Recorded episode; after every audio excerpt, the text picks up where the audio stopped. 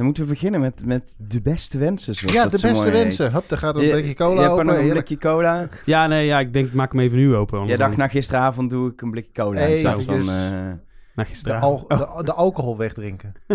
Ja, precies. Hoe jij aan die bubbel zat. Jezus, Mina. Dat is Ja. niet normaal. we, hadden, en we hadden gisteren een, een spoorkast oud en nieuw festijn. Ja, met de dames.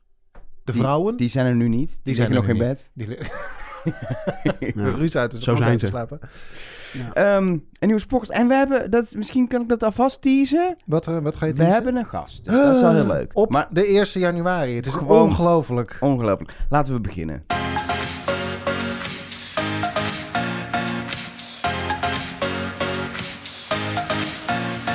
Hallo en welkom bij de Spoorkast. Een podcast over eh, dingen die rijden op rails en aangestuurd worden door verkeersleiders. Bijvoorbeeld. Bijvoorbeeld Ja. met natuurlijk Arjan Spoormans, Ja, de man hallo. wiens naam Spoor is. Met Arno de Bla, tegenwoordig hoofd van eh, treinen in België of zo, Ja. qua voorlichting. Ja. en mijzelf, ik ben Elger. wel, ja, ook en eh, in de studio hebben wij een, eh, een bijzondere gast, eh, Bert Schipper. Bert, welkom in, eh, in de Spoorkast. Dankjewel. Jij, eh, jij werkt al heel wat jaartjes bij, bij ProRail. En jij, jij hebt een baan die het afgelopen jaar eh, flink in het nieuws is eh, geweest. Want jij bent daar verkeersleider. Ja, ja, ja. ik ben eh, verkeersleider bij ProRail In Utrecht ook nog. in Utrecht. Ja, ja, dat ze me vrij hebben kunnen spelen vandaag. Dus Nou, excuses aan die mensen die staan te wachten op een trein. niet, maar, is hier, hoor. Ik zit hier om het u te vertellen en uit te leggen hoe dat allemaal zou moeten werken. Laten we het zo maar Heb, zeggen. jij, heb jij nog bij NS gewerkt ook? Ja, ik heb ook nog bij NS gewerkt. Als verkeersleider ook, hè, voor de duidelijkheid. Ja, ja als Toen verkeers- dat ja, nog, ik, eh, ben ooit begonnen op de illustere verkeersleidingspost van Blauwkapel. Oh, mooi. Oh. Dat is Oh. diegene die onlangs een eh, restaurant is geworden. Toch? Zoiets, ja. ja, ja, Ja, ja. hebben ze een beetje de verkeerde tijd voor Peer, uitgekozen. Mevrouw Appel, Peer. peer, banaan, Zoiets. iets. Je iets kan- met een mevrouw en een Als bed met fruit. Heb je er, eh, nou, hij is geopend, eh, volgens mij inderdaad toen we in lockdown kwamen. Dus Ja. het is, ik, ik Ja, wilde vragen, ben je er al geweest? Maar dat is dan... eh, Nee, nee, nee. Pech voor die mensen hoor. Jammer, jammer, jammer. Leuk idee om dat soort Ja, oude maar het komt alweer, in toch? de industriële gebouwen te behouden, niet plat te gooien. Dat Ja. is eh, mooi. Ja. We, zien, we zien dat als zodra mensen weer mogen, dat ze dan ook massaal gaan. Ze gaan zelfs als ze niet mogen. Dus in dat opzicht... eh, Ja, ja, ja. Eh. Vooral naar België met de trein. Ja, ja, dat gehoord, ja.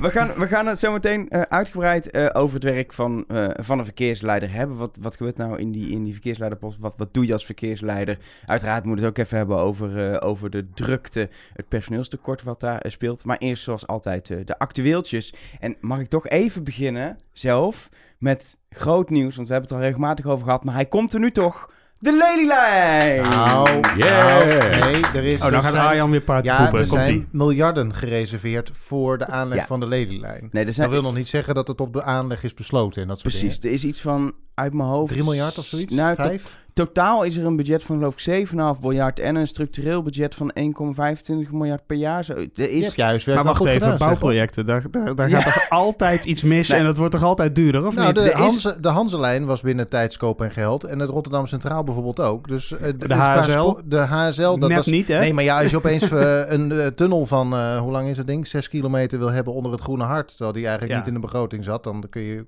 Ja, dan gaat het, dan gaat het hard. er is in ieder geval heel veel.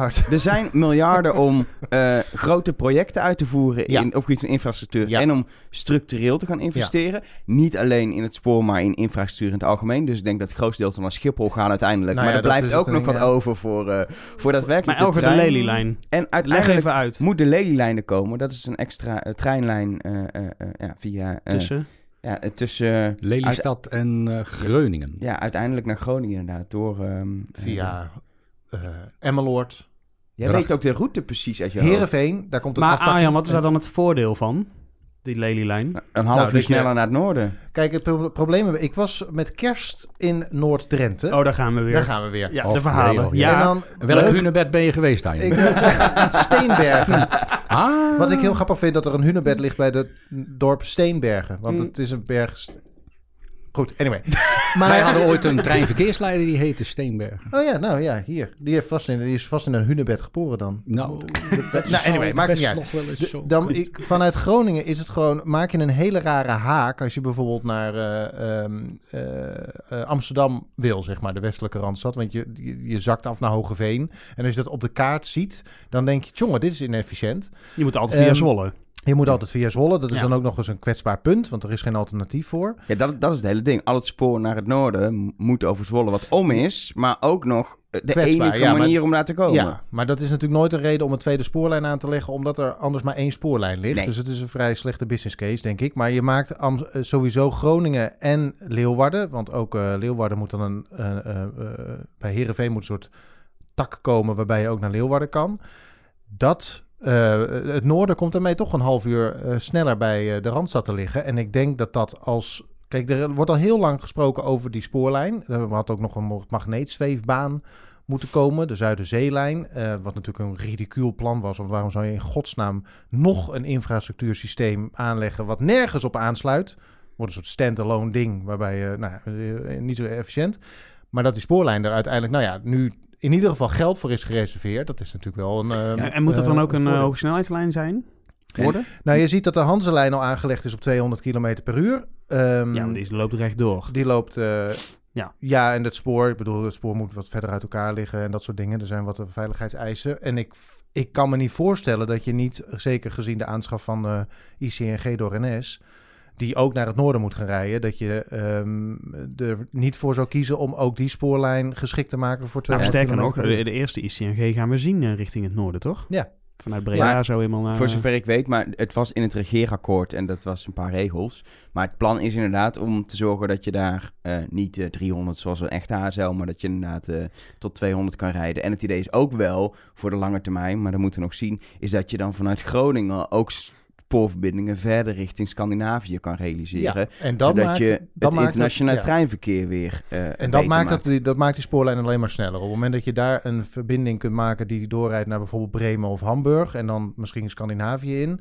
dan krijgt, dat, dan krijgt die spoorlijn nog Maar meer wat voor- rendement uit. ja, maar wat voor waarde een- heeft dit een, nu een dan? stop bij dat Hunebed in Steenbergen zit er dan niet in, begrijp? Nee, Le- Leek zou eh, in de eerste plannen een halte moeten krijgen. Dat ligt vlak naast het dorp waar ik naartoe moet. Dus ik ga wel daadwerkelijk wat makkelijker naar mijn Maar ouders. het idee van. HSL toch dat je er vooral niet te veel stations laat legt, toch? Of, eh, Nee, maar ja, je zult ook op de een of andere manier aanwas moeten krijgen. En als je Ja. dat soort dorpen waar die spoorlijn langskomt, het zicht geeft op een halte, dan wordt het voor die mensen ook aantrekkelijker om bijvoorbeeld in te stemmen met het aanleggen überhaupt van zo'n ja, lijn. ja. Maar, eh, eh, Maar ja, nu staat het in, in het regeerakkoord. Dan kun je eigenlijk echt niet meer terug. Hè? Ja, dat kun je wel doen. Dat hebben ze in Zeeland een keer gedaan. En dan kost het er een hoop geld, hè? Als je dat doet. Ja, Toen hebben ze Maar gezegd, die hoop- kazerne, dat doen we toch niet. En dan, en dan, en dan Krijg je erbij in Nederland door... een kazerne in Ja. plaats van een spoorlijn? Wat? ik. maar aanleggen kost ook een hoop geld hoor. Dus Ja. ik weet niet wat. eh, Maar dit is, is dit dan een soort een point of no return? eh, zo van, nou, nu- want nu kun je het niet meer Nou. maken om te zeggen, we gaan het toch niet meer doen. Oh jawel hoor, dat kan. Maar het Twitter-account van de Lelylijn was in ieder geval hysterisch blij. Dus dat hebben is er een Twitter-account van... de- Wist die jij die?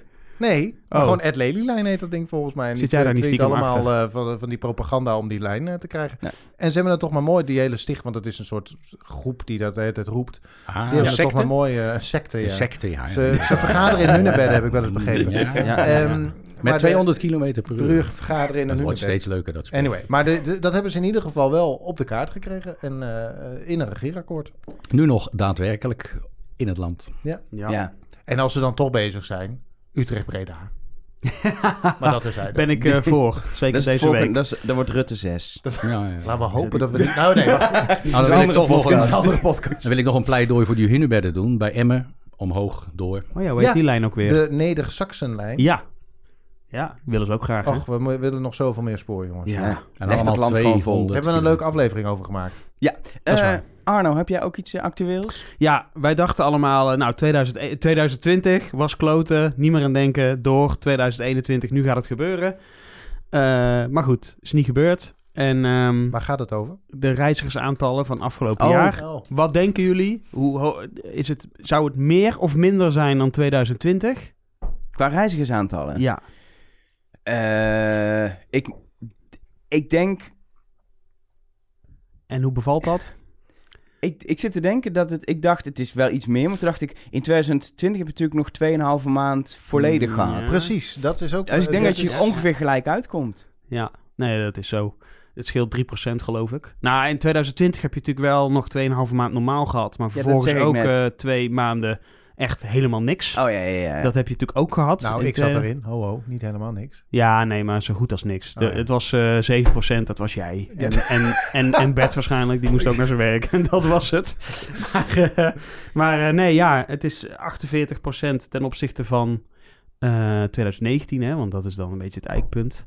Wat het Eh. beste jaar voor de Nederlandse spoorwegen ooit was natuurlijk. Was de Qua- prognose wat het uiteindelijk wordt, kan zo nog maar nog iets lager worden. Want de laatste week van december hè, was natuurlijk ook geen feest. Dat hebben we gezien. Nou, nou, nou, de forense stromen naar België zijn enorm. ja, ja, ja. België. Een opkikker van hoor. En mijn, Ja. mijn trein was ook behoorlijk bezet toen ik hier naartoe kwam. Behoorlijk bezet. Vanuit Leek. Veel mensen eh, die eh, vanuit eh Rotje Nou, ik hoor net toch dat het misschien iets hoger ligt dan... eh, nee, maar ja, het is, het, het is ongeveer gelijk. Eh, gemiddeld eh, per dag, eh, ik geloof iets van 600 611.000. Nou, waar het eh, voor corona 1,3 miljoen was, gemiddeld per dag. Is toch niet iets om vrolijk van te worden. Minder Maar- dan de helft. Nee, maar nu heeft eh, eh, de NS en ook de andere voerders hebben die Ja. beschikbaarheidsvergoeding gekregen voor 95%. Dus dan heb je nog steeds, ja, dan mis je nog steeds inkomsten, maar een, heel groot deel wordt gecompenseerd. Nou is dat deel niet gecompenseerd wordt, zeker voor zo'n groot bedrijf als NS natuurlijk nog steeds heel veel Ja. geld. Maar ehm, we zitten in een nieuw jaar. Het ziet er niet naar uit dat morgen iedereen, eh, of maandag weer iedereen in de trein eh, stapt, zeg maar. Nee, Ehm, en, en die beschikbaarheidsvergoeding, die is in principe tot september. afgelopen. Oh, nog nee, tot... die loopt nog tot september. Oh. Ja, er, er zat enig vooruitziende blik eh, in die regeling. Maar daarna was wel het idee, maar dat was wel voordat we weer deze lockdown kregen, dat het zou gaan stoppen. Eh, en ook echt zou gaan stoppen. Of dat nu nog steeds is, volgens mij is alles vloeibaar eh, in corona. Maar het is natuurlijk maar het idee wat we natuurlijk willen met het openbaar vervoer. Kijk, eh, we hebben het natuurlijk ook over de nieuwe dienstregeling gehad vorige maand.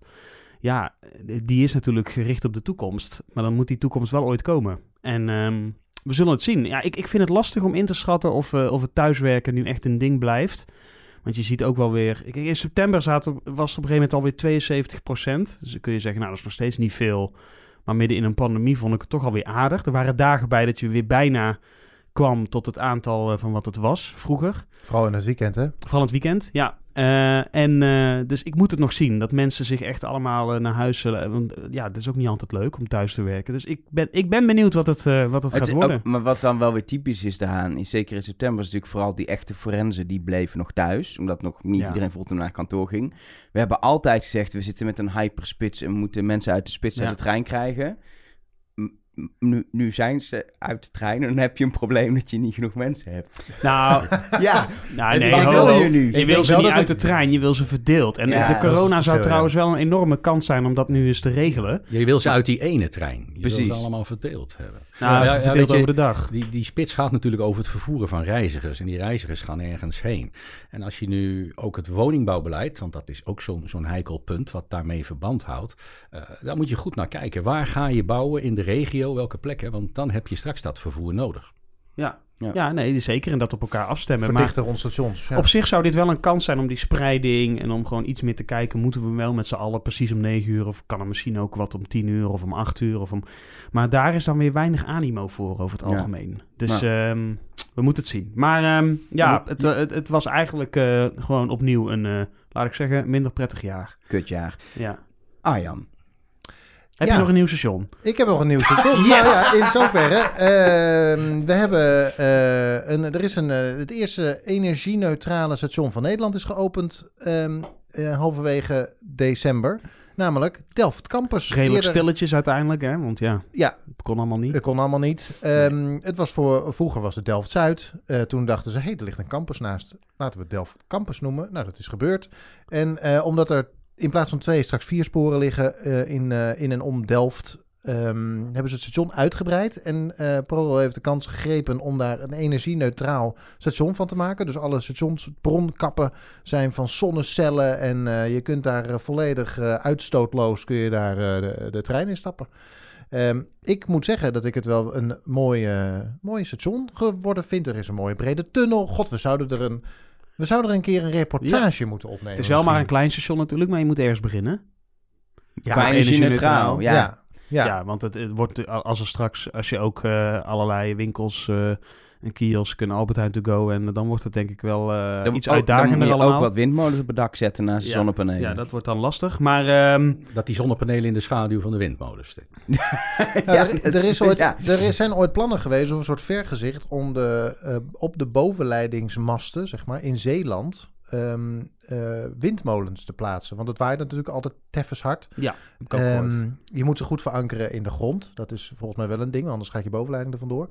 Ehm, maar dat was ooit een, eh, een idee om daar eh, van, die, eh, van die windmolens op te zetten. Dus het, er zijn al een keer studies naar gedaan. Het is natuurlijk nooit van de grond gekomen, want volgens mij werkt het niet. Maar Nee, want ze het werden vastgezet, ver- het vergezicht was, was er in ieder geval.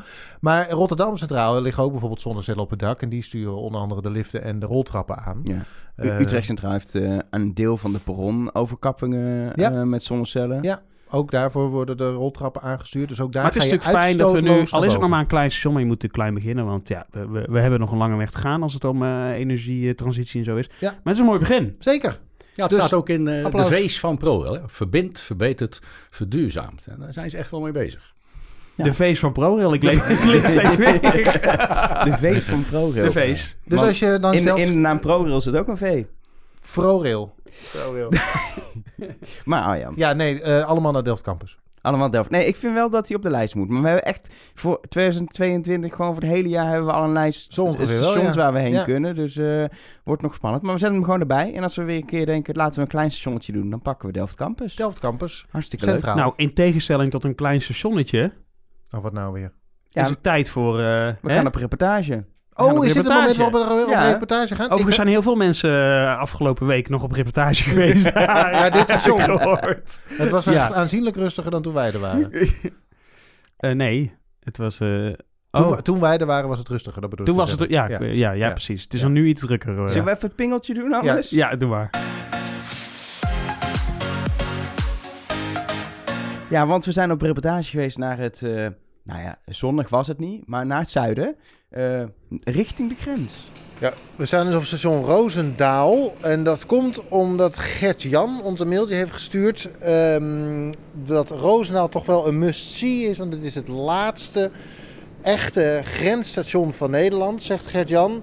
Hier kun je de internationale grandeur misschien nog wel ergens vinden. Misschien ook niet. Zie maar, stuurt hij. ik heb hem gevonden. hoor. Ik, nou ja, De internationale grandeur zit in het stoptreintje naar België, wil Ja, je dit is, dit is een discussiepuntje. Want ik zie hier bijna een spoorwegmuseum waar dat letterlijk op de rails staat en nog rijdt. En jij ziet oude meuk. Ja, ja. Nou, hij gaat wel... eh, het is wel zo... eh, je moet hier wel goed uitkijken, want hij rijdt dus naar kijk uit.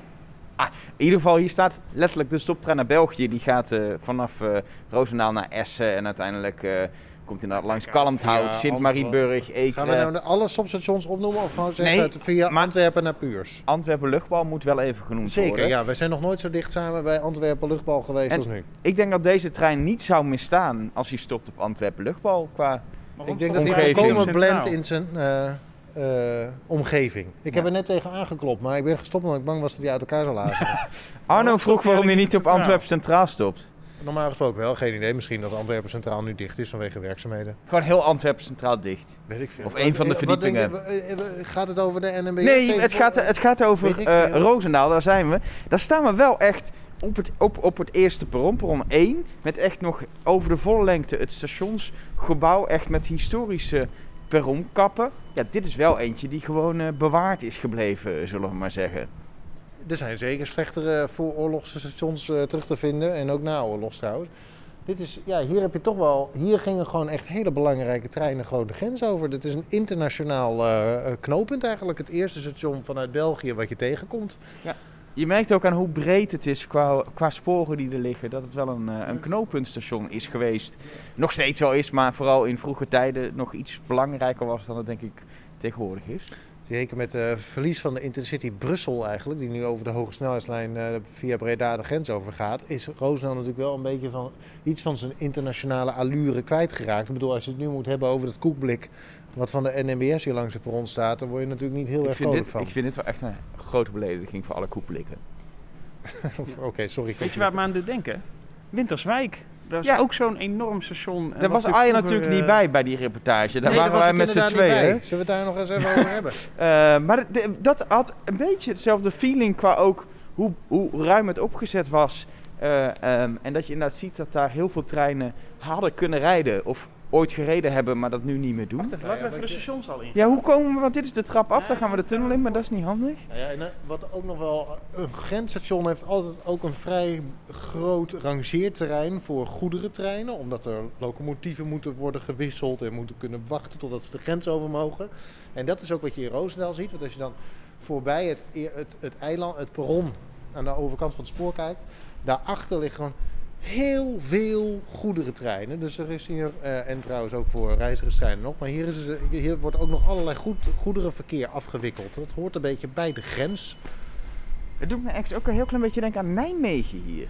Door denk ook dat het één, midden, iets, ja. één middenperron heeft en dan één perron bij de oude stationshal. Oh ja. Ja. Dat heeft Nijmegen natuurlijk ook. Nou, en als je hier weer binnen rijdt, dan word je nog ouderwets door elkaar geshakt. Hè? Alle 600 wissels. Ja. Er staan hier wel voor, eh, ja, toch wel het een mooie stationsgebouw. Er staan gewoon ouderwetse of eigenlijk nieuwerwetse poortjes. Ik vind het dan jammer, van die, van die glazen hekken en poortjes voor zo'n oud stationsgebouw. Oh, wauw. Dit is te gek. Dit is echt, dit is echt een oude, oude stationshal met internationale allure. Waar je, ik zie de mensen hier nog zitten te wachten op hun trein naar eh, Brussel en verder.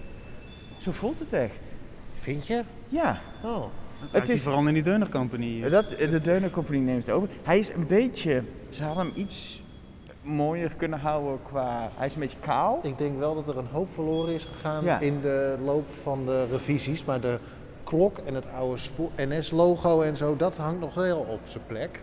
En de Dus historische deuren die ze dan wel ge, geautomatiseerd hebben. Geëlektrificeerd wilde ik Dat ze zeggen, maar dat is onhandig hè, als je deuren elektrificeert. Maar dat ze automatisch open gaan. Maar het zijn denk ik wel de originele historische stalen, stalen deuren. Aan de buitenkant uitzien.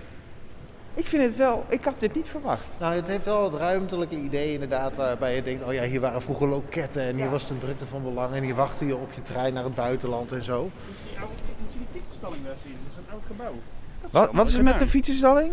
Nou ja, de- ze hebben de, ja, daar hebben ze een mooie fietsenstalling gebouwd en eigenlijk een oud gebouw. Oh wauw, ja, een hele glazen verdieping op een soort historisch bakstenen Ah, ja. gebouw. Inderdaad, als je buiten komt en je kijkt terug op het station, dan zie je wel de tijd van weleer. Zelfs het vliegende wiel lijkt eh, daar op de gevel te hangen. Het hele vroegere spoorweglogo, maar ook met al die bijgebouwen waar allemaal ja, grens, dus douanes hebben gezeten waarschijnlijk en allemaal van dat soort De dingen. Dat huisde visitatiehal. allemaal. Sorry? De visitatiehal. Moest, moest je, je dan hier je- bukken en dan moest nee, iemand je... nee, dat- nee, Wat? nee dat- dat- daar moest je dan je bagage... eh, Visitatie? Daar werd je bagage Dan word je gewoon toch gekeken in, in, de, in de gevangenis of je geen drugs in je kont hebt zitten. Ja, nou, dat, dat is jouw eh, Associatie. associatie. Maar ben ik nou de enige die denkt, oh mooi, Nee, ik had ik- jou nog helemaal niet gehoord. Ja, nee ik, ben, ik ben er gewoon een beetje stil van ook, omdat al die oude ornamenten en standbeelden en een fontein en nog een, een, een, een pilaar, eh, hoe noem je zo'n ding, voor de deur staat. Dat heeft een naam, zo'n pilaar. Ja, Obelisk of zo, Obe- ja, maar zoiets. Dan, de obelisk is vierkant, Ja, ja, komt erop volgens mij. Zoiets. Het is echt... alle landen, Noorwegen, de Oh, oude van Zweden, Denemarken, tegeltjes. Engeland, Portugal, Spanje. Het hangt allemaal op de, op de gevel hier. Ik denk, ik, van buiten is hij goed bewaard gebleven. Van binnen heb ik dit dat eigenlijk... Dit zou je publiekelijker moeten maken. Hier kun je zulke leuke dingen mee. Maar de, eh,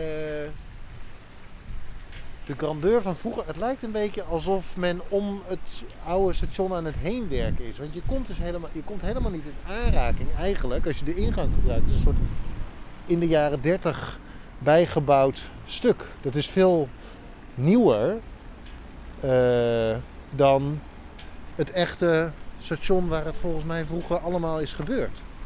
Snap je? Het is alsof je in een soort bypass eromheen wordt geleid. Ja, er wordt sowieso... de- je- je krijgt... Van buiten is het prachtig, maar je, je komt er als reiziger eigenlijk helemaal niet binnen.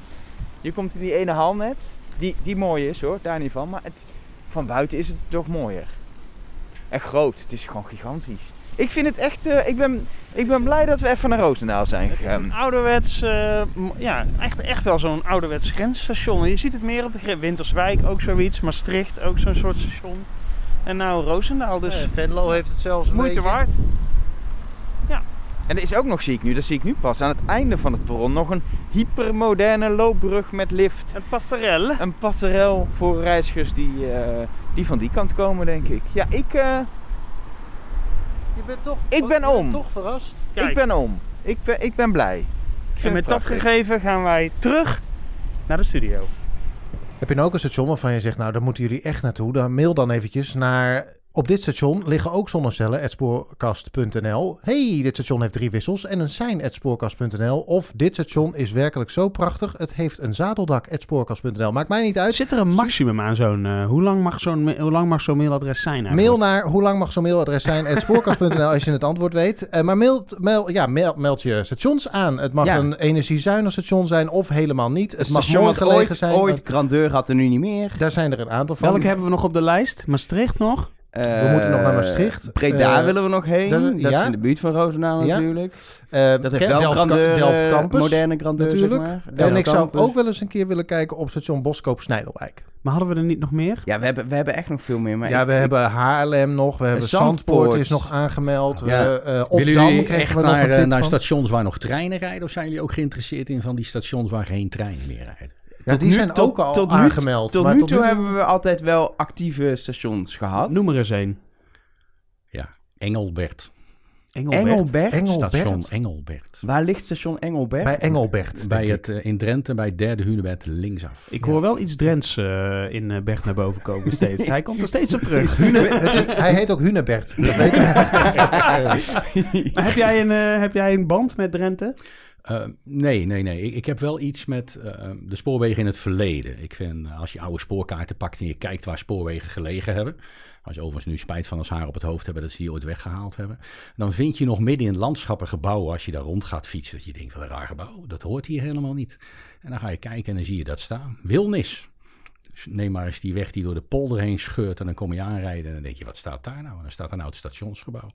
Die hebben wij het ooit over gehad, hè? Ja, we zijn mij. uitgenodigd in de buurt van Enschede om daar naar zo'n verlaten station eh, te, Ja. komen, te komen kijken. Dus eh, ten zuiden van Enschede. Ik ben even de Want er lag vroeger gewoon veel meer sporen in Nederland. Och, hè? man. Mensen vergeten dat, En maar vooral, dat is wel zo. Vooral in het oosten eh, en het eh, noorden. Friesland lag ook. volgeramd met spoor. Ja. Ehm, Nee, dus, we eh, hebben nog ooit gepleit om eh, de spoorlijn, eh, wat was het? Eh, Efteling, eh Efteling Ja, hè? Precies. Ja, precies. De halve zolenlijn. Daar heeft de Efteling zelf ook ooit voor gepleit trouwens. Maar dat geldt te En zijn. toen hebben ze zelf maar een spoorlijntje aangelegd in het park. dat niet. Nee, maar ik bedoel, het is ook leuk om in de historie te kijken. Al Hier en daar zijn ook bijvoorbeeld stations. Er is nog wel een actieve spoorlijn, Hulshorst. eh, maar er stappen geen mensen meer in en uit. Soesduinen. En als je, dan is het heel leuk om daar te gaan kijken. Wat is er dan van zo'n gebouw geworden? Eh, begint iemand er een bed and breakfast in? Of een, een, een fietsenzaak, maakt mij het uit. Dat vind ik ook altijd wel leuk om dat te kijken. Het op veel plekken ook nog over het spoor lopen ook, hè? ja, Daar ja, mag ja, het wel. Ja, ja, ja. En eh, nou ja, goed, in het buitenland, als je bijvoorbeeld naar Portugal gaat, als ik even die switch mag maken, daar hebben ze gewoon enorme lange fietspaden, lange afstand fietspaden. Ja, ecopista's hebben ze daar neergelegd. En dan kan je in zo'n oud stationnetje kan je lekker slapen. Dat vind ik wel mooi. Ik ben een, een grote tegenstander. Misschien is dat wel het trauma uit Utrecht, waar ik vandaan kom. Ehm daar hebben ze een hele stationswijk plat gegooid. Nou was die niet zo heel mooi, maar er stonden ook wel hele mooie gebouwen. Zo zonde dat is het dat dan de Oosterspoorbaan? eh? Nee, gewoon rondom waar nu Alcatraz is. Dat was Oh, de stationswijk ja, van Utrecht. Ja, Ja. was niet de beste wijk van de stad, maar het was wel een hele mooie oude... Het was echt een, een Ja, stationswijk, maar zoals heel veel Hoogkaterijn is toch ook mooi? We moeten door. Maar als je, als, je, als je foto's ziet, maar we moeten inderdaad door, maar als je foto's ziet eh, van vroeger, dan, dan denk je ook, waar, dan probeer je te plaatsen waar het was, maar dat is niet meer te doen, omdat dat zo, Bolledak helemaal toch? zo veranderd Bolledak is. was Stationsplein zoiets, hè? Daar, daar was een Daar stationsplein en daarachter Ja. was gewoon een normale Nou, de- wijk. De architect die toen de tijd het station van Utrecht ontworpen had, had ook eh, zijn invloed in het eh postje Blauwkapel. Maar goed, eh, de VL-post, Oh, oude Seinhuis, Blauwkapel. maar die is nog wel bewaard gebleven. Nou, dat Ja, is mooi. en ja. daar kun je heen. En wij hebben vorig jaar natuurlijk nog over een spoorlijn gefietst. Ook nog, maar dat was in het buitenland. Dat was in het buitenland. Dat was in eh Woepertal, Bij de Schwebebaan. bij de Zwebebaan. Aanvang, jongens. Eh, we gaan het hebben over eh, verkeersleiders. Ja, want Bert, jij bent bij ons in de, in de studio. eh, al geïntroduceerd, al meegepraat, maar jij bent Ja. verkeersleider bij ProRail. Ehm, en we gaan één vraag stellen. Waarschijnlijk zijn we dan één hele podcast verder. Wat doet een verkeersleider Verkeersleider. naast het verkeer leiden? Want zo tot, tot, tot hoog, dat hoge niveau snapt iedereen het, zeg maar. Om, om het een beetje beeldend te maken. Ik, ik denk in beelden. Iedereen kent wel een beetje de luchtverkeersleider. Die man die achter zo'n radarscherm zit en, zit en dan die vliegtuigen langzaam naar binnen toe praat. Waar hele procedures en dingen aan vooraf gaan. Want hij doet dat niet op die manier. Dat is allemaal van tevoren vastgelegd. Je moet je voorstellen dat bij verkeersleiding staan beeldschermen. Daarin heb je een plattegrond van het spoor. En daarin zie je baanvakken. Bijvoorbeeld als we het dan over Utrecht hebben. Uh, Utrecht station zelf, dat is een vrij groot emplacement, wordt door meerdere mensen gedaan. En dan heb je de lijn van Utrecht naar Arnhem, van Utrecht naar Den Bosch, uh, van Utrecht naar Woerden, Gouda, Rotterdam enzovoort verder. Dat zie je op een beeldscherm, daar zie je de trein op bewegen en dat stuur je aan. Daar ben je eigenlijk de hele dag mee bezig. Dat gebeurt in twee vakgebieden, twee disciplines. Eén is de treinverkeersleider. Die heeft als hoofdmoot de veiligheid en een stukje logistiek. En die heeft één zo'n baanvak. En daar is hij druk genoeg mee bezig. Want de hele dag door zijn er incidenten. Dieren op het spoor, mensen op het spoor, deuren die niet dichtgaan, machinisten die zich verslapen, bovenleiding die niet blijft hangen. Zooi dat in de bovenleiding waait. Noem het allemaal maar op. Kleine aanrijdingen. Daar ben je echt de hele dag druk mee bezig. En dat gaat vooral over het, het, het, bedienen van de wissels en de sein, denk ja, ik. Hè? Ja, dus ja, want, want heel flauw, de machinist die stuurt niet, dat doen wij. Die machinist die remt en die geeft gas en die, die houdt dat in de gaten. Ja, sturen op een spoor is eigenlijk helemaal uh, natuurlijk geen ding. Nee, is geen issue en dat, dat wordt door ons geregeld. Dus die, als je het wat, wat formalistischer zegt, is het de capaciteitstoedeling in het nu-moment. Wat die treinverkeersleider doet met als hoofdmoot de veiligheid. En dat heet dan een treinverkeersleider. Verkeersleider. Ja. Uh, in de officiële benaming bij ProRail is de treindienstleider. Maar om het wat beeldend te maken, is er treinverkeersleider van gemaakt.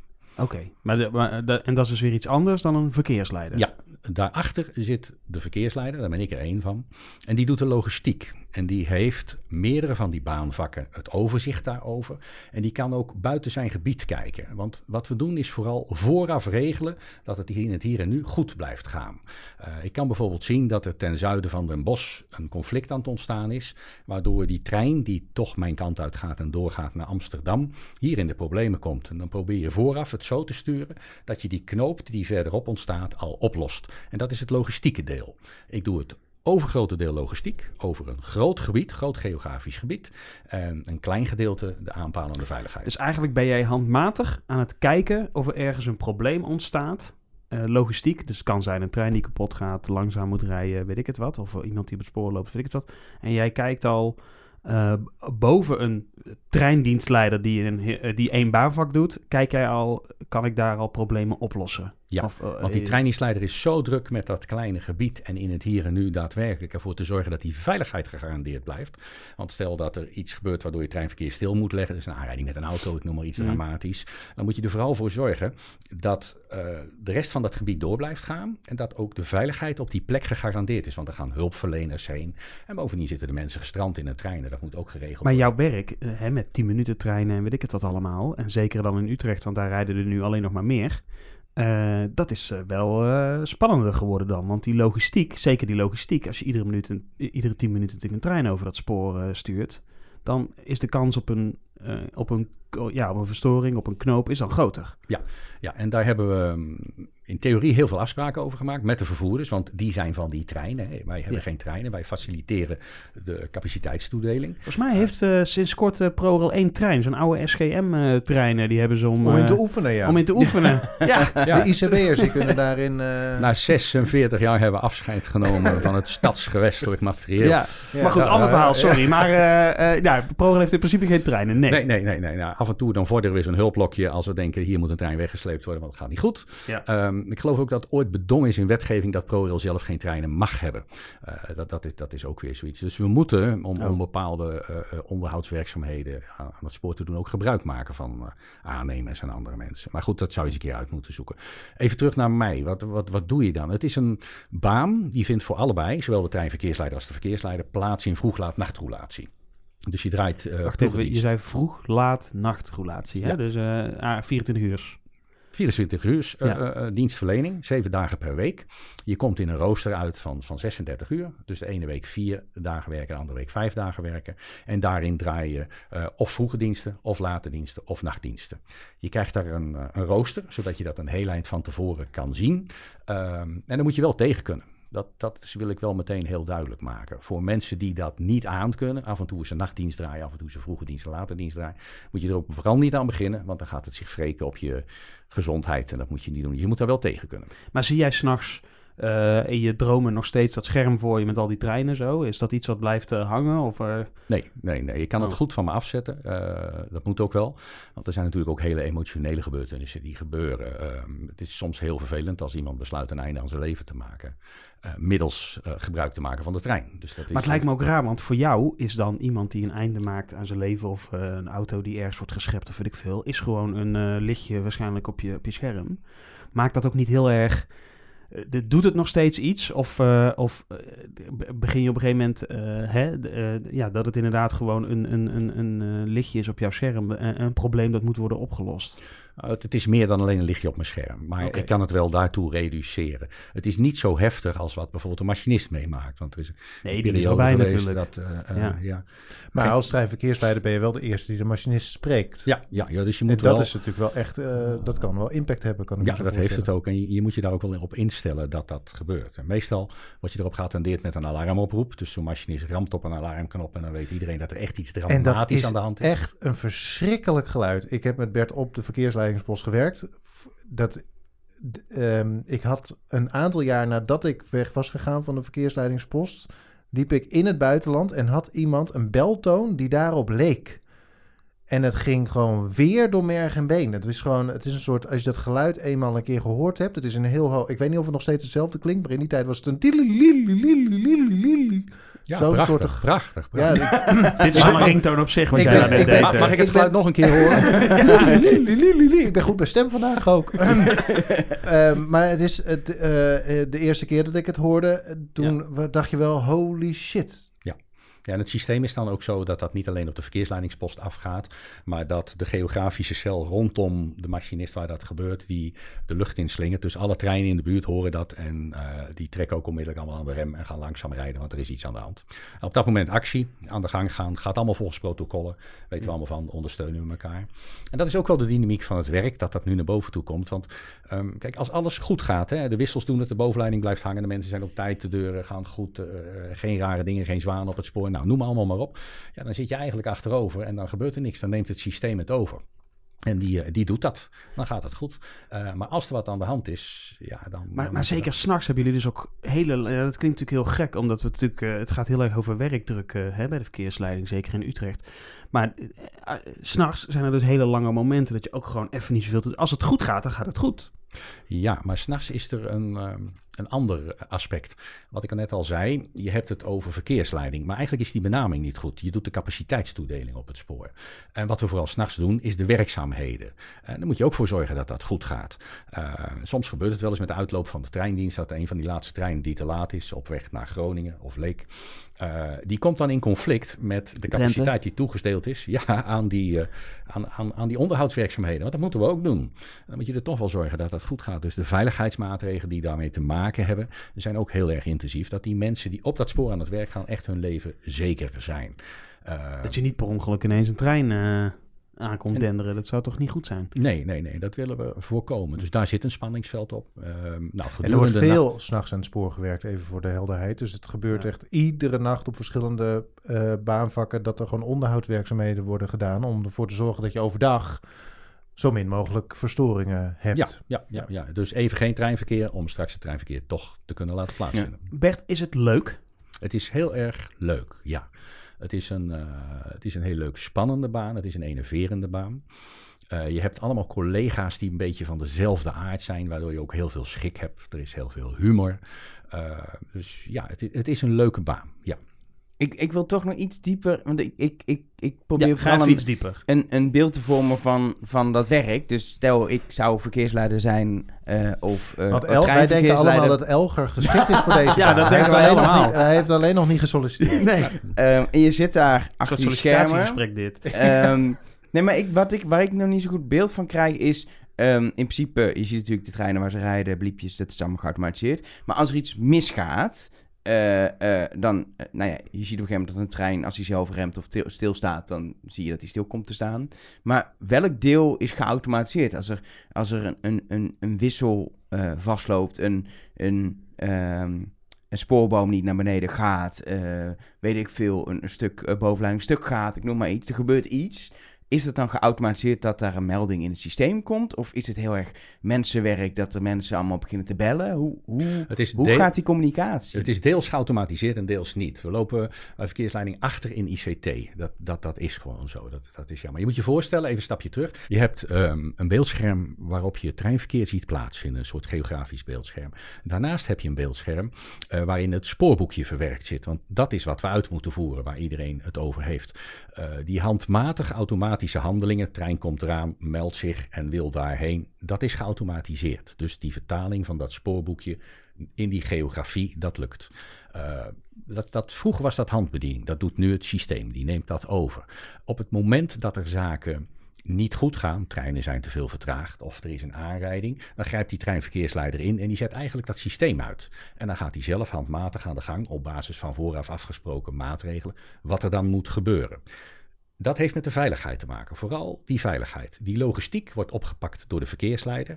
Die ziet dat we op een bepaalde plek niet verder meer kunnen. Weet aan de hand van de afspraken die vooraf gemaakt zijn. Nou, ik laat de intercities eh, nou ja, tot een bepaalde aantal stations komen. Daar keer ik ze. Dat hebben we afgesproken. Dus ik knip die ertussen uit. De stoptreinen laat ik nog iets verder komen. Want ook dat hebben we afgesproken. En de rest gaat de vervoerder regelen met bussen of op een andere manier. Is dat dan ook een overleg met zo'n vervoerder? Of, of Dat is allemaal van tevoren. Nou, dat, vroeger was dat ad hoc overleg. Nu is dat allemaal van tevoren allemaal afgesproken. Ja, ja. Want je kan je gewoon voorstellen dat er een, eh, in de basis standaardmaatregelen zijn. Er is iets aan de hand op de brug bij Culemburg. Ja, en of dat nou een aanrijding is of dat die brug ingezakt is, maakt niet uit. Er is geen treinverkeer meer, kan niet meer plaatsvinden. Nou, dan keren we de intercities in Den Bosch en in Utrecht. En de stoptreinen laten we dan nog komen tot en met Houten en tot en met Geldermalsen. Dus als jij in de trein zit, Bert, ergens bij Utrecht in de buurt, dan weet jij al precies, oh, deze trein gaat hier stilstaan, dit gaat nu gebeuren. En, En, dan eh, heb- en, is maar dat, ja. op een gegeven moment eh, wordt de beslissing gemaakt, eigenlijk gewoon een protocol wat je, wat je afdraait. Dus Ja. begrijp ik, eh, eh, eh, eh, alle intercities vanaf, eh, vanaf Eindhoven, die, die, die, die stoppen in het bos en die keren daar. Dan gooien jullie dat terug naar de NS en dan is het aan NS om te regelen wat ze doen met hun materieel en hun personeel om dat weer Ja. op te lossen. Ja, want die maatregel is verzonnen in de zin van dat de reiziger dan toch kan komen. Iedereen weet dan als dat gebeurt, oké, dan stuur ik ze bij Den Bosch naar Arnhem. En bij Arnhem kunnen ze dan naar Utrecht toe. Dus die omleidingsroute, die zit er al in. Er is van tevoren over nagedacht. Dus omdat het een protocol is, weet NS ook op dat moment, oké, we gaan dat doen, dus het personeel moet nu zo. Ja, en die weten dat en dat, Ja. dat, dat werkt goed. Als alles natuurlijk een protocol is, dan kan iedereen daar zich aan aanpassen onmiddellijk. Omdat Ja, iedereen precies weet waar hij aan toe Ja, is. En van tevoren zitten de vervoerders ook aan tafel bij die afspraken. Dus soms Ja, moet ja. je, Ja. Moet je, kun, je, kun je kiezen tussen één sprinter per uur of twee intercities. En dan mag de vervoerder min of meer zeggen, nou doen we dan maar één sprinter. Of juist doen we dan maar twee Ja, ja. intercities per uur. ja. En dan, dan heb je het over het reizigersvervoer. Maar we hebben natuurlijk ook nog goederenvervoer. En daarom kan die verkeersleider nog iets verder kijken. Want als er nou een goederentrein onderweg is vanuit Breda, nog niet via die lijn die jij zo graag wil, maar die komt dan over die andere lijn onze kant uit. En wij weten al dat die versperring bij Culemborg twee uur gaat duren, want dat kan je redelijk goed inschatten. Dan gaat die goederentrein vastlopen. Dus dan kan je al zeggen, zoveel tijd van tevoren, hou die daar vast of leid hem om. Eh, zo probeer je het logistiek zo soepel mogelijk te laten lopen. Zeker een goede trein probeer je dan ergens vast te laten staan waar die niet in de weg staat, zeg maar. Ja, Want ja, en die dat doe je dan al. zijn lang en hebben een lange remweg en lang om, om te, op te starten. Dus die wil je niet per ongeluk eh, langs het perron in Tilburg hebben stilstaan. En belangrijker nog, hij kan maar één kant op. is ook, Kijk, ook een er zit uitdaging. maar aan- Ja. vaak aan één kant een locomotief. Ja, als dus hij mis hij of kan mist moeilijk heeft, dan terug- eh, ja. kan hij niet Ja. meer eh, alsnog. Ja. Maar ja, dat betekent wel ook dat je dus als pro heel goed na moet denken over de flexibele inrichting van de spoorinfrastructuur. Want we rijden niet alleen met reizigerstreinen, we rijden ook met goederentreinen. En er is een heel groot internationaal belang eh, voor het goederenverkeer. Ik bedoel, als je kijkt wat er uit Rotterdam weggaat, en dat willen we weg hebben. Nou, dus ben ik heel erg blij dat ze apart die Betuwe-route ooit aangelegd hebben. Dat gaat in de Duitsland over de grens nog niet zo geweldig. Nee, Dan hè? mist nog een spoortje, geloof ik. Detail. Eh, maar Met gevoel voor understatement, zeg je dit? ja, ja, ja. Maar we gaan ook op andere plekken de grens over. Nou, daar gaan die treinen ook heen. En met de liberalisering waar we het over gehad hebben, eh, rijden er natuurlijk nu ook heel veel goederenvervoerders. Als je kijkt sec naar Het aantal... 20 of zo, hè? 25? Nou, ga maar hoger. 30? Ja, 40? Ja, ja, ja. Ja, ja. iets van 36 lag, eh, las ik, dacht ik laatst. Ja, die hebben we tussen de 35 en 40 vervoerders in totaal. Wow. Dus, dus NS is er maar eentje. Ja. Dus eigenlijk qua reizigersvervoer eh, is, het, is het nog te overzien allemaal.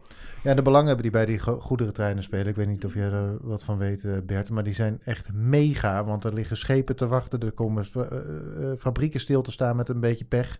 Dus, je, dus een trein met auto's die naar de Rotterdamse haven gaat. Daar ligt gewoon een. Daar liggen gewoon hele grote bedrijven en eh, boten op te wachten om eh, die, eh, die auto's bijvoorbeeld in ontvangst te nemen. Nou ja, want het- bijvoorbeeld van een autofabriek, dat is dat voorbeeld dat je noemt, die hebben niet meer enorme magazijnen. Het transport is het magazijn geworden. Dus aan ons wel om ervoor te zorgen dat dat doorgang gaat vinden. Dus je kunt maar niet zomaar even zeggen, joh, we doen die, trein even, die, die passagierstrein even eerst. Want eh, die goederentrein wacht wel. Zo werkt het dus niet. Nee, nee, nee. Kijk, en die reizigers die kan je nog uit een trein halen in een bus zetten, een stukje vervoeren in de trein weer verder. Dat gaat met die containers wat moeilijker. Maar dat is ook niet altijd makkelijk, Je, zit maar dus goed. aan het, aan het, je, je zit aan het begin van een gigantische keten. Als jij beslist, ja. er gaan, de, de, er gaan even de komende uren, gaan we, moeten daar twee treinen uit. Dan, dan beslis jij dat en dan is jouw werk op dat moment klaar. Maar dan moet, dan moet er geregeld worden wat er met, met die trein gebeurt. Maar dan moet ook uh, Arjan bij de reisinformatie aan het werk, want de, Ja. er vallen treinen ja, dat, uit. dat voelt daar moet dat vloeit daaruit voort. En daarom is wat jij zegt is heel belangrijk. Dat noemen ze de eerste fase. En dat is misschien wel de belangrijkste fase die er is. Want aan de hand van de beslissingen die je daar neemt, de diagnose die je daar stelt, treedt dat hele rampenscenario in werking. En dat moet natuurlijk wel maximaal en adequaat zijn. En daar hebben ze een paar jaar geleden een heel mooi systeem voor ontwikkeld. En dat heet dan decentrale verkeersleiding. Zoals het model wat wij nu hebben bij verkeersleiding hebben. En dat betekent dat je op een aantal plekken in het land, meerdere plekken in het land, een regionale verkeersleidingspost hebt. Met een decentrale of regionale verkeersleider en treindienstleiders. En die hebben de, het inzicht en de capaciteiten om middels een vergrootglas een hele goede diagnose te stellen binnen hun gebied. Uh, als je daar, uh, ook omdat er zoveel verschillende vervoerders zijn, regionale vervoerders, goederenvervoerders, noem het allemaal maar op. Uh, want als je het hele verkeersleidingsgebeuren centraal vanuit één plek in Nederland zou willen leiden, dat gaat gewoon niet. Dat kan niet. Dat is te complex. Dat is te complex. Bovendien, marktwerking, we hebben het er altijd wel over, um, dat zit daar ook in. Je kan met het model van decentrale verkeersleiding, dus al die verkeersleidingsposten die er nu zijn, ontzettend goed maatwerk leveren voor al die vervoerders die daar zijn. En je kan een ontzettend diagnose stellen. Een hele goede diagnose stellen. Waardoor je een fantastisch rampenscenario hebt. Hoe vervelend het ook is. En als je daar dan een landelijke coördinatie overheen hebt. Gaat dat goed. Dus Arriva in Limburg of Arriva in, uh, in, in Groningen. Die kan natuurlijk heel makkelijk met de post in Maastricht uh, goede zaken doen. Want uh, ja, dat is echt hun gebied. Daar rijden zij ook vooral. En dan kun je natuurlijk heel goed uh, samenwerken. Nou, je ziet de analogie ook. NS zit op het CMBO. Uh, als enige grote vervoerder. Wat, is het CMBO? Uh, OCCR, sorry, neem ik maar. Operational Control Center Rail. Ah, dat, dat is ja. die grote... Dat is waar, ik ook waar werk. jij ook werkt. Ja, ja. ja. En onderdeel daarvan is het CMBO, sorry, ik zei het verkeerd, het OCCR. Daar zit NS als grote vervoerder direct bij de landelijke verkeersleiding aan tafel. En in de regio zie je nu dat die kleine vervoerders dus ook op die posten gaan zitten. En dat heeft een enorme meerwaarde. Um, dus je ziet dat de tijd heeft ons ingehaald. Hadden we tot voor zoveel jaar geleden nog het idee centraliseren, centraliseren, centraliseren. Dat is het niet. ICT is de toekomst en je moet juist decentraliseren. Want ik hoor jou nu heel veel zeggen dat het allemaal mensenwerk is. Heel veel. Ja. Hè? Eigenlijk, het, zodra uh, het niet meer kan volgens de dienstregeling, dan neemt de mens het over. Dat is uh, in, in, in Ja. hele, hele grote lijnen. Maar dat, is, dat, dat klinkt uh, wel een beetje raar. Ik zie Elge kijken van, ja, ho, hoezo? Tegenwoordig is toch alles altijd al geautomatiseerd. Je zei het daar straks al even, het loopt een beetje achter. Ja. Hoe, hoe kijk jij daarnaar? Op verschillende manieren. Kijk, weet je, ook een auto heeft cruise control. Daar maak je gebruik van, maar als mens blijf jij in controle.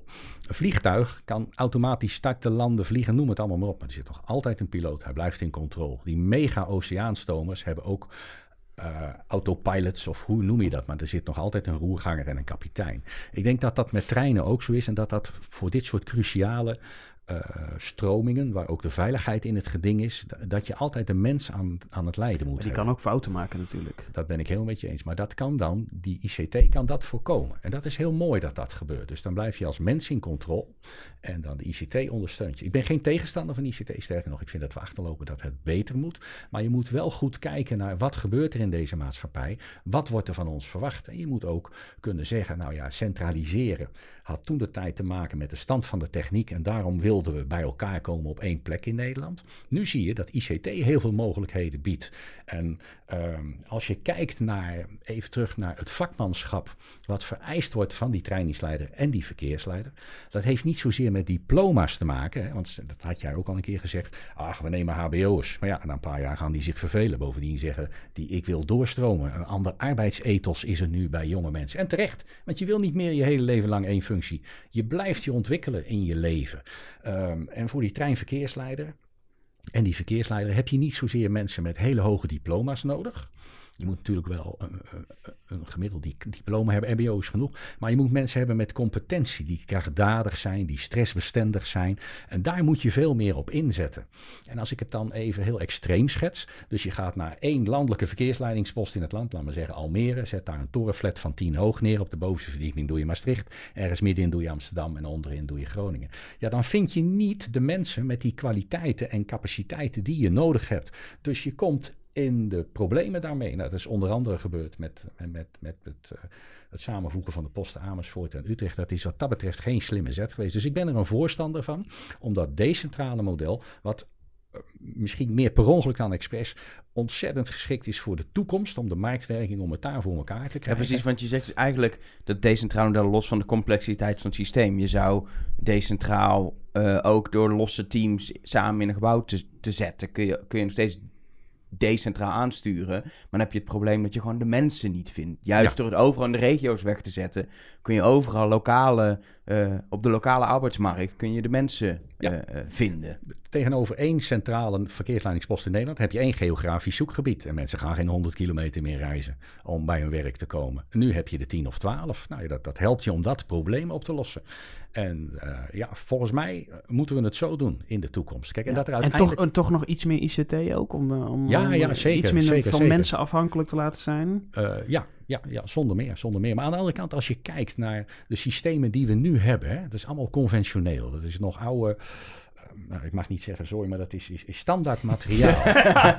ik mag niet zeggen zooi, maar uh, ja, we, we snappen maar, het. Ja, maar, ja. Maar, maar, als je dan toch ziet wat we presteren, hè, die, die 10 minuten, uh, ik bedoel, er zijn hele experimenten geweest. We hebben het ooit Route 66 genoemd, mocht niet. Uh, maar, nee, dat was een heel goed verhaal, want er was een merk, dat was een beschermde merknaam. Ja. Route 66 mag je niet gebruiken. Nee. nee, nee. Er is, er is een hele andere verhaal, maar Disneyland wilde in Parijs een Cars-attractie openen. Die zou ook uh, Route 66 heten. En die heet nu Cars Road Trip. Want er begon iemand te stijgeren. Ja. Want het, je mag Route De 66 eerste, niet gebruiken. de eerste testen voor de 10 minuten trein tussen Amsterdam en Eindhoven, die deden we nog een paar weken achter elkaar, dacht ik. En Ja. de, we reden ook uh, iedere 10 minuten een sprinter tussen Den Bosch en Geldermalsen. Ja, vandaar dat het Route 66 En dus was. dat Dus was zes twee keer, twee keer intercities. zes. Ja. Ja. en daarom heette het Route 66. Maar dat moest uiteindelijk uh, allemaal keer zes wat? beeldmerk. Er was uh, Oh, logo's gemaakt en uh, weet ik veel wat. niet. En dat mocht uiteindelijk, moest allemaal de prullenbak in. Dat mocht Maar nu heeft het de exotische naam Edmet. Elke, elke 10 tien minuten minuten een trein. trein. Ja. Oh Nou goed, mijn god. Dat- en het mooiste was, was dat deze Ed met Rosa heette van Ro- eh, elke 10 minuten een trein Rotterdam, RO, Schiphol, S, A, Arnhem. Rosa. Waarom heeft Rotterdam dan twee letters en de Omdat rest één? Rotterdam de grootste en mooiste stad van Nederland is. Omdat er ook nog iets wat backed uit moet komen. Nou, ja. anders heb je geza. Maar terug naar waar het om ging. Je Ja, ziet even dat we terug met conventionele middelen persen we toch, dankzij die mensen en die simpele, eenvoudige ICT, presteren we dit. Ze komen uit, echt uit heel Europa kijken hoe wij het voor elkaar krijgen op dit netwerk met deze techniek en deze mensen. En het gaat, heel, het gaat eigenlijk altijd goed. ja, en dat komt door die mensen. Ja. ja, dat mag ook wel eens gezegd worden, toch? Het gaat altijd goed. Maar over, over mensen gesproken, er is wel een probleempje met het Mensen. aantal mensen.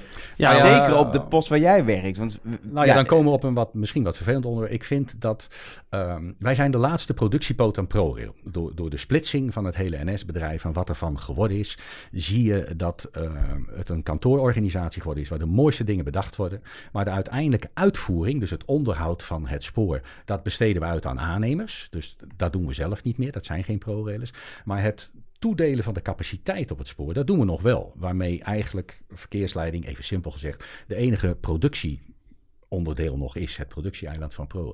En wat je ziet, dat dat niet zo goed begrepen wordt.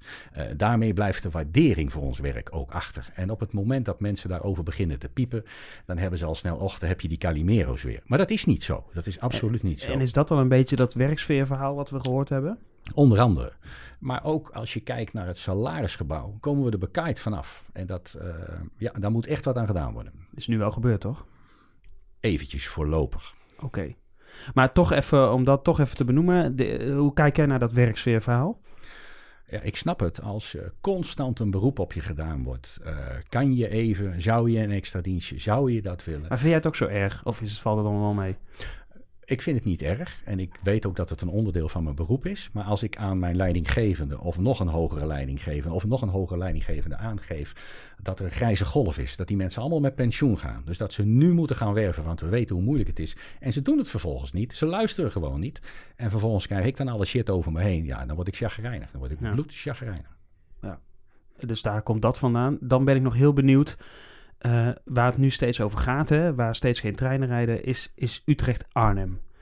Hè? eh, dat, de- de- Dat is tenminste, een dat, dat, ontzettend triest. Hè? Want eh, ja. bij mijn weten is het nog nooit in de geschiedenis gebeurd... dat zo'n belangrijk iets als vervoer over het spoor...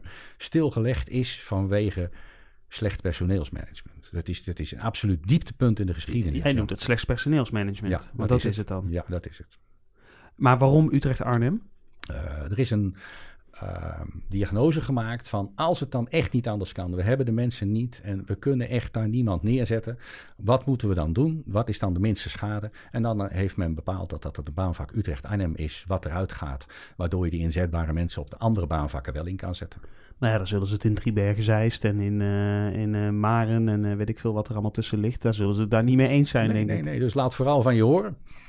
Ah, Maar- het, is een, het, is een heel, het is natuurlijk heel grof, want je gaat gewoon, je, je gaat gewoon strepen eigenlijk. Hè? Dus al- stel nou dat er een werkplek op die verkeersleidingspost, of welke verkeersleidingspost dan ook, maar laten we Utrecht even als voorbeeld nemen. Als er een werkplek niet bezet is, dan moet één van de beschikbare werkplekken moet dicht. Ja, Zo het, is, een- makkelijk het, is is een, het. het is een ontzettende noodoplossing. Hè? Want ja, ja, een afschaalmodel. En daarbij is bijvoorbeeld al vakantie is niet verleend, WTV is niet verleend, opleiding is niet verleend.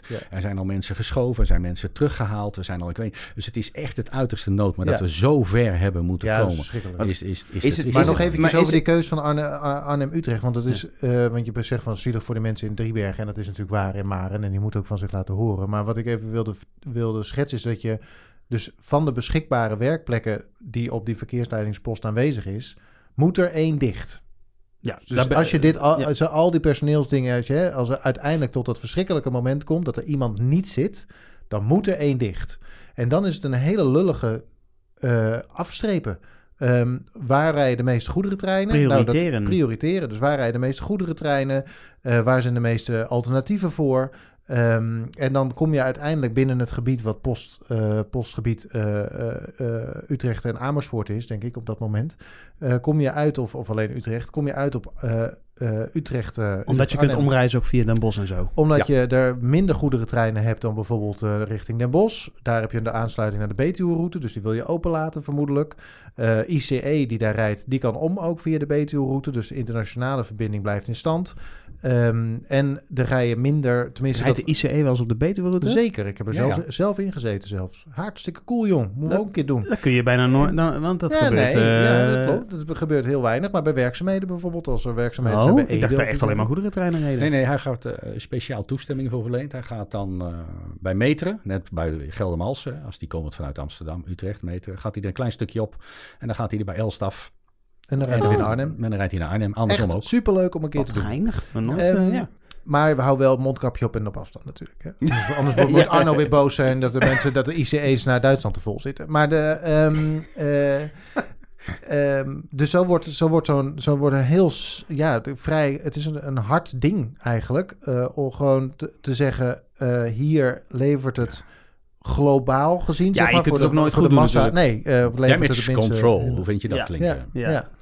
Maar voor, voor, voor, voor mijn beeld is het zo dat op het moment dat de, eh, zo'n, zo'n post dicht wordt gezet, dan is er gewoon één, één iemand, één bureau is niet bezet. Of is het dan al zo dat er al, dat er al een man minder is dan normaal, maar dan nog een extra man? Is, is het... Of vrouw. Is, er een meteen- minimale bezetting waar je dan onder zakt? Dat is Ja. eigenlijk wat je wil weten. Want normaal, ik kan me ook voorstellen, je moet nog Ja. pauze hebben. Dus mensen moeten ook nog kunnen Ja, vervangen. maar dat is wat ik al zei. Maar dat is allemaal al afgestreept. En zijn zelfs mensen WTV-dagen zijn niet verleend. maar je hebt, dus ook, je, maar je hebt ook nog dagen dat alles wel rijdt, maar dat jullie eigenlijk ook al met een man te weinig zitten. Ja, ja, Ja. ja, we zitten constant in de onderbezetting. En dat is ook een van de redenen waarom de sfeer zo daalt. Dat als jij acht uur achter een beeldscherm zit, dan word je op een gegeven moment, dat, dat is niet fijn. Eh, je wil er, en dat is ook wettelijk bepaald, je moet pauze hebben. Dat krijg je dan niet. Eh, dan krijg je nog de situatie dat vanuit het verleden mensen zoveel mogelijk werkplekken eh, beheersen en kunnen en mogen doen. Dat doe je om die wisseling te kunnen maken, maar ook in geval van ziekte te kunnen wisselen. Maar we zijn in een soort trechter terechtgekomen dat we ook de opleidingen daarvoor niet meer voor elkaar hebben kunnen krijgen.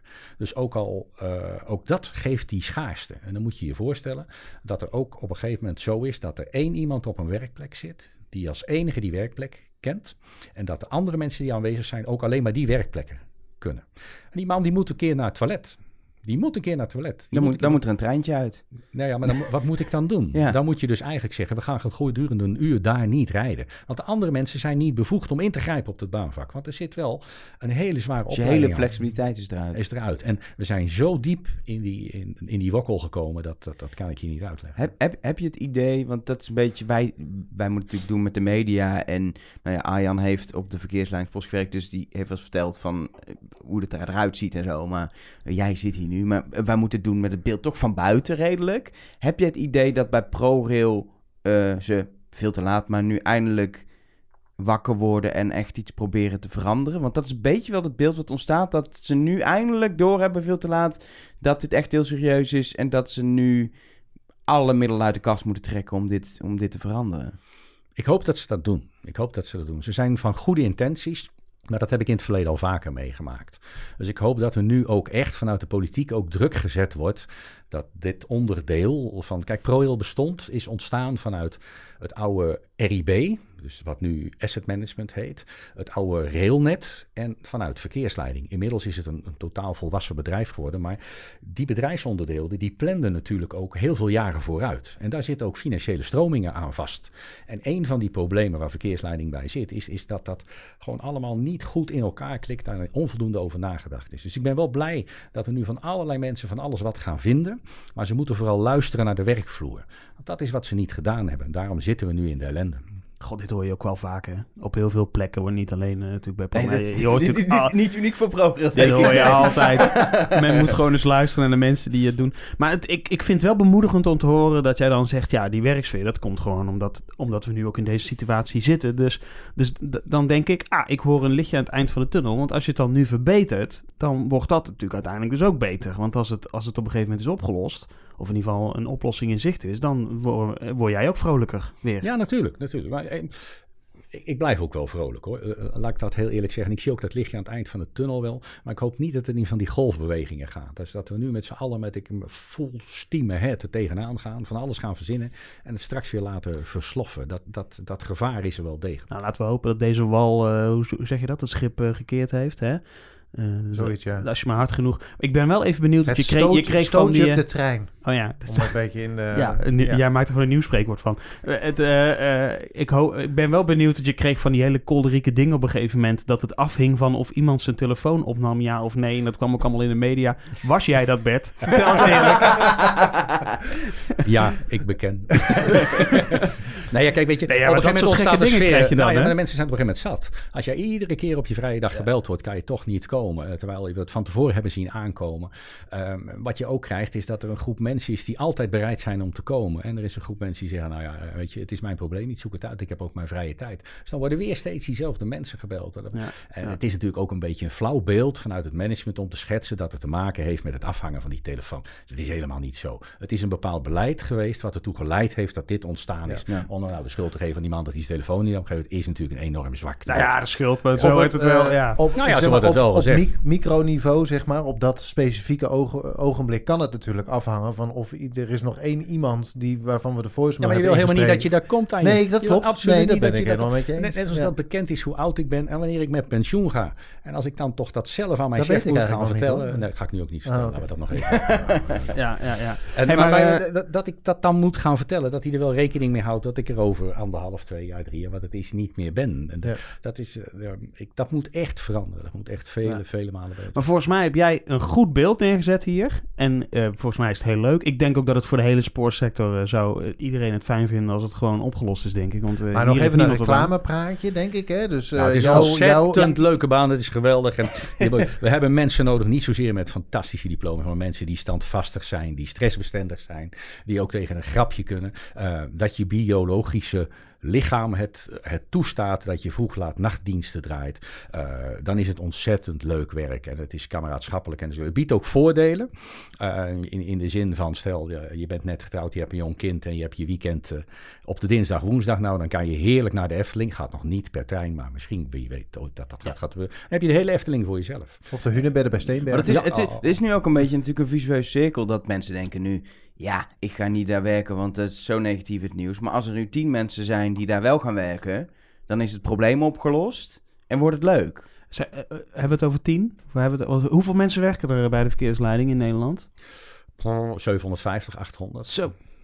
Maar Ja. iets meer dan tien. Maar als er, genoeg, als er, gewoon, als er gewoon genoeg mensen zijn die nu eh, dit gaan doen... dan moet je natuurlijk de opleiding door, et cetera. Maar de- uiteindelijk de banen worden ingevuld, dan is het probleem opgelost. En dan is, Ja. blijft alleen de leuke kant van het werk over. Zeg Ja, maar. ja. En, en het leuke is, is dat de, eh, de baan zich eh, plaatsvindt ook, ook in Groningen. En, en, en ook in Amsterdam en in Alkmaar en in Den Haag. Kijk, ook bij jou in de buurt. de Dus, dus je kan voor deze ontzettend leuke baan kan je terecht op heel veel plekken in het land. En ik moet heel eerlijk zeggen dat we zijn een semi-overheidsbedrijf, dus de, de, de CEO is goed geregeld. We moeten er wel voor blijven knokken natuurlijk. Dus bij deze zeg ik dat we dat ook gaan doen.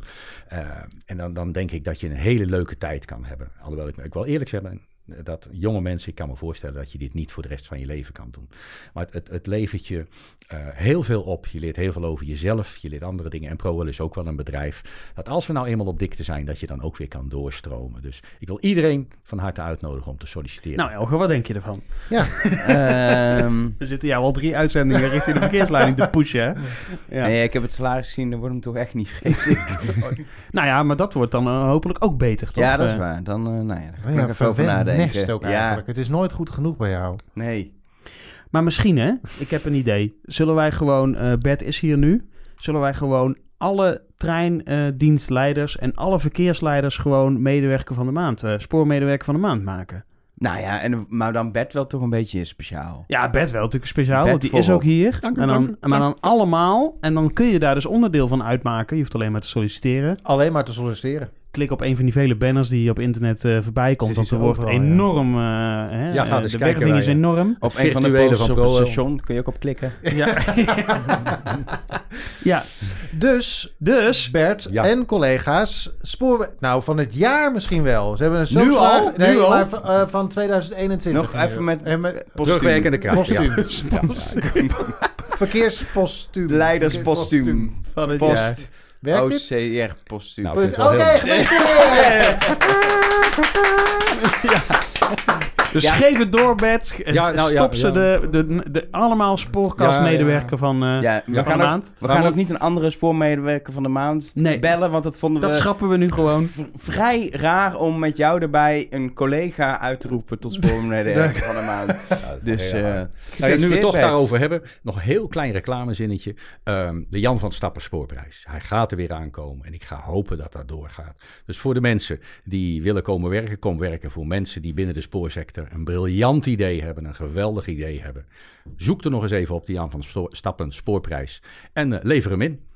Wacht even, wat is Ja, dat? dat is de Jan van Stappen spoorprijs. Even uitleggen, denk ik, is een soort de, een, een prijs binnen het spoor voor een eh, eh, eh, Ja, briljante dat- ideeën, eh, vernieuwing eh, en dat soort dingen, toch Bert? Ja, het is een, eh, een man die geen kinderen had en die aardig wat geld had en die had een prijs daarvoor ingesteld. Die heeft hij naar zichzelf genoemd. Ja, ach, waarom ook niet. De Jan van Stappen spoorprijs. Ehm, dat idee is door de directies van NS en ProRail omarmd.